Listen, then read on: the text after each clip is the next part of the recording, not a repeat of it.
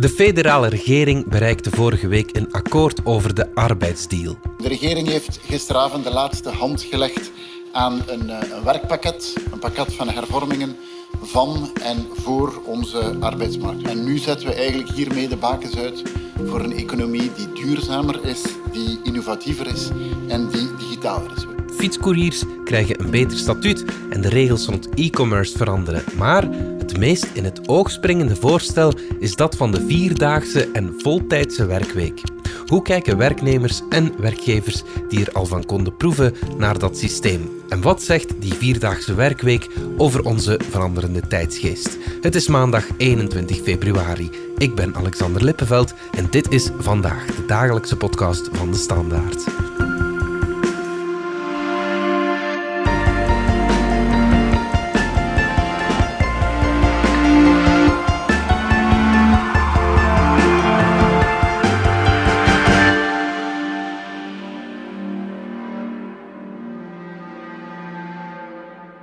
Meeste mensen werken vandaag 38 uur per week en ze presteren die uren in 5 dagen. Dat komt neer op ongeveer 7,5 uur werken per dag.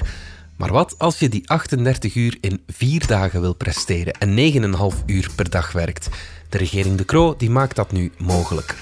De bedoeling is dat we mensen meer vrijheid geven en ook bedrijven meer vrijheid geven over de manier waarop de arbeidstijd wordt uh, ingevuld. Ik denk bijvoorbeeld aan de mogelijkheid om meer uren per dag te gaan werken om één dag minder te werken. Dus bijvoorbeeld de mogelijkheid om dezelfde arbeidstijd te kunnen vervullen op vier dagen bereidt de regering zich voor op een nieuwe generatie werknemers die niet meer wil leven om te werken? Of is het een breder teken van de tijd? Klinisch psychologe en gedragstherapeute Marike Impes die vat het als volgt samen. Dat is dubbel, hè? want ik denk enerzijds, als we nu kijken, het zijn de jonge mensen die vaak nog geen kinderen hebben, die aan het begin van hun carrière staan, die nog blakend zijn van energie. En dan kan ik mij voorstellen dat zo'n een, een werkdag van tien uren beter past in het leven van jongeren zonder kinderen, bij wijze van spreken, dan in het leven van, van mensen met kinderen die ook naar school moeten, die ook naar hun hobby's gebracht moeten worden, bij wijze van spreken. Dus in die zin denk ik dat het als je kijkt naar hoe dat jonge mensen hun leven leiden, dat het daar ook gewoon een betere fit is, work-life balans gewijs. Dus dat denk ik dat enerzijds meespeelt. En anderzijds is het natuurlijk ook zo dat in de huidige tijdsgeest mensen veel meer verantwoordelijk worden gesteld voor hun eigen geluk, waardoor dat mensen veel meer gaan nadenken over wat vind ik nu belangrijk, wat doet er voor mij toe, uh, waar wil ik binnen zoveel jaar staan. Ik denk dat we dat in deze tijdsgeest veel meer in handen willen nemen. En dan is die flexibiliteit die eventueel zou kunnen gegeven worden door vier dagen te werken, ja, misschien past dat daar dan ook wel iets meer in. Meer flexibiliteit voor de werknemer dus. Meer vrijheid om je werkritme zelf in te vullen. Maar de arbeidsdeal van de regering De Croo die bestaat voorlopig alleen op papier. Er volgen nog vakbondsonderhandelingen en dan moet de Kamer nog stemmen over het voorstel. Een proces dat toch nog enkele maanden in beslag zal nemen. In de Kamer is lang niet iedereen enthousiast. U hoort Bjorn Ansee van NVA en Sophie Merks van PVDA. En waar collega's dan zich op de borst kloppen dat dit een akkoord is dat bulkt van de vrijheid, het bulkt vooral van het wantrouwen. Als je kijkt naar het recht op deconnectie, collega's van de Open VLD, dan zul je daarmee heel wat werknemers die vandaag wel de vrijheid hebben om hun werk af te stemmen op hun privéleven in een keurslijf duwen waar ze eigenlijk niet thuis horen, waar ze eigenlijk niet willen inzitten. En Spanje en Italië, collega Lachaert, dat zijn leuke vakantiebestemmingen, maar die kunnen echt geen voorbeeld zijn voor een arbeidsmarktbeleid dat op iets trekt. Van deze arbeidsdeal, meneer de minister, wordt echt niemand beter. Le mouvement ouvrier, monsieur le ministre, s'est battu pour la journée des 8 heures il y a 100 ans. Et aujourd'hui, on va avoir la journée des 10 heures par monsieur Dermagne, ministre socialiste. Comment osez-vous Ils sont où les grosses déclarations d'il y a 15 jours de M. Magnette Je ne veux pas de retour aux conditions de travail du 19e siècle. Et vous allez autoriser ça Maar volgens minister van Werk Pierre-Yves Dermagne van de PS is dit wel degelijk een belangrijk antwoord op de noden van de werkende mensen van vandaag. De wereld is eh, veranderd. Het belang van een kwalitatief en zinvol werk uh, wordt voor werknemers steeds groter. Men wil werk die bij hun leven past en niet uh, andersom. Naar dit verlangen naar verandering moeten we luisteren. En we moeten er rekening mee houden. Goed, al die debatten en stemmingen die komen er dus nog aan, de vier dagen werkweek. Die lijkt nog niet voor meteen. Of toch, er zijn bedrijven die niet gewacht hebben en al een tijdje experimenteren met een alternatieve arbeidsduurregeling. Birgit de Voort van toerisme PR-agentschap Glenaki is één van hen. Eigenlijk doen wij het reeds twee jaar of drie jaar zelfs. Werken wij een vierdaagse werkweek. En de inspiratie kwam toen ik uh, voor mijn werk in uh, Schotland was. En daar had ik een hele lange autorit uh, en luisterde ik naar een reportage op de BBC. En die reportage ging inderdaad over de verkorte werkweek en een vierdagen werkweek, waarbij een PR-bureau aan het woord kwam. En daar ook wel vertelde dat ze bij hen die vier dagen werkweek doen.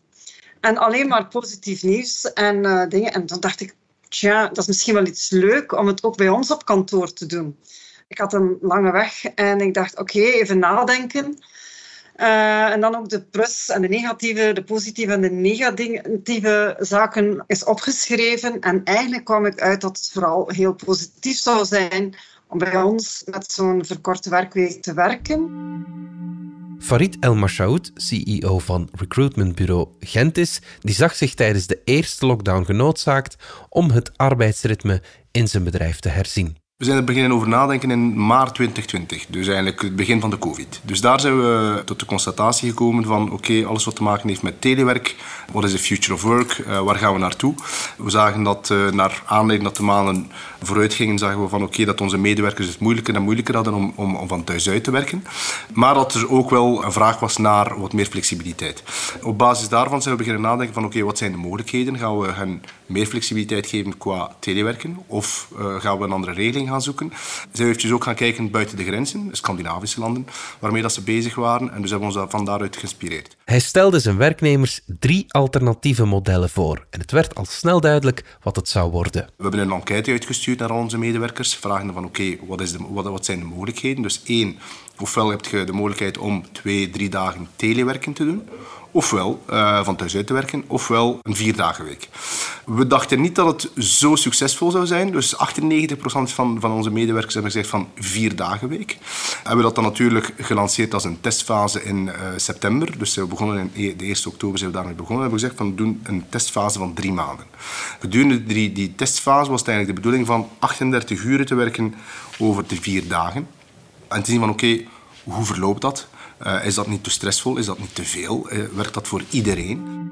Bij Birgit de Voort ziet die regeling er als volgt uit. Wij werken dus uh, vier dagen per week, negen uur per dag. Dus als je dat rekent, dan komt dat op 36 uur uit. En één vrijdag of de vier ben je dan van dienst, om zo dan toch wel je 38 uur te hebben. Dus er is altijd wel permanent iemand bij ons op kantoor. Dus we werken van de maandag tot de donderdag. En één iemand is dan ook de vrijdag op kantoor, zodanig dat je dan op het einde van de maand wel altijd je volledige werkuren uh, gedaan hebt. En ook voor de klanten is er altijd wel iemand permanent aanwezig om eventuele vragen en dingen op te volgen. Dus een win-win. Maar de vierdaagse werkweek blijkt geen heilige graal te zijn. Als we niet voorzichtig zijn, dan kan zo'n kortere werkweek de druk net verhogen. Zo waarschuwt psychologe Marike Empes. Ik denk dat een belangrijk nadeel ook een nadeel is dat we al vaker gehoord hebben van zijn mensen wel in staat om negen of zelfs tien uur geconcentreerd te blijven werken? Want dat vraagt wel heel veel. Dus je vraagt op die beperkte tijdspannen gewoon ook veel meer inspanningen van mensen. En dat kan ook wel heel wat stress met zich meebrengen. Dus in die zin moet er ook wel voldoende aandacht blijven voor recuperatie, ontspanning, mogelijkheden om ook tijdens de werkdag te kunnen ontkoppelen. Maar wordt je werkdag dan niet nog langer als je nog eens ruimte moet creëren voor ontspanning? Als we die recuperatie niet nemen, ook in een gewone werkdag, gelijk in het regime dat we nu werken, dat uh, het niet nemen van pauze vaak een negatieve impact heeft op het aantal werk dat je verricht. Dus in die zin geloof ik ook niet dat uw productiviteit afhangt van uw aantal gepresteerde uren Ik denk wel dat het belangrijk is dat de uren die je dan effectief op het werk aanwezig zijn, dat je die zo efficiënt mogelijk inplant. Maar efficiënt betekent in die zin ook met aandacht voor recuperatie, zodat je motor bij wijze van spreken terug vol een bak draait als jij ja, bezig bent met iets. Bij Gentis botsten de werknemers al gauw op de grenzen van het systeem. Er werd geschoven met werkuren. In het begin was er heel veel euforie uh, over die vier dagen. Ook een negen uur en half per dag, dat is toch niet zoveel, dat is maar een uur en een half per dag. Maar het is toch wel heel zwaar.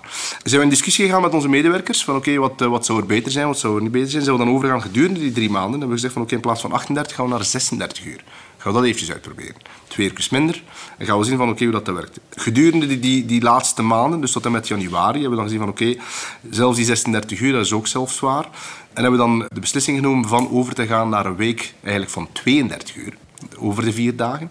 Maar dat de medewerkers de andere zes uren, dat ze die eigenlijk glijdend zouden kunnen gebruiken. Ze kunnen dat op een vrijdag gebruiken, ze kunnen dat s'avonds of s ochtends. Die zes uur kunt je gebruiken, moet je niet gebruiken, hangt af van je business. Maar de hele insteek was eigenlijk van iedereen, we zijn niet in aanwezigheidspolitiek, dus geen presenteïsme. Uh, het is niet omdat je hier binnenkomt om 7 uur en dat je vertrekt om 9 uur, dat je een betere medewerker bent dan degene die is begonnen om 9 uur en vertrokken is om 5 uur. Hetgeen dat bij ons belangrijk is, is eigenlijk result-only working environment. Result-only working environment. U dacht misschien al, waar blijft al die bedrijfstaal? ROW, result-only working environment. Geen presenteïsme.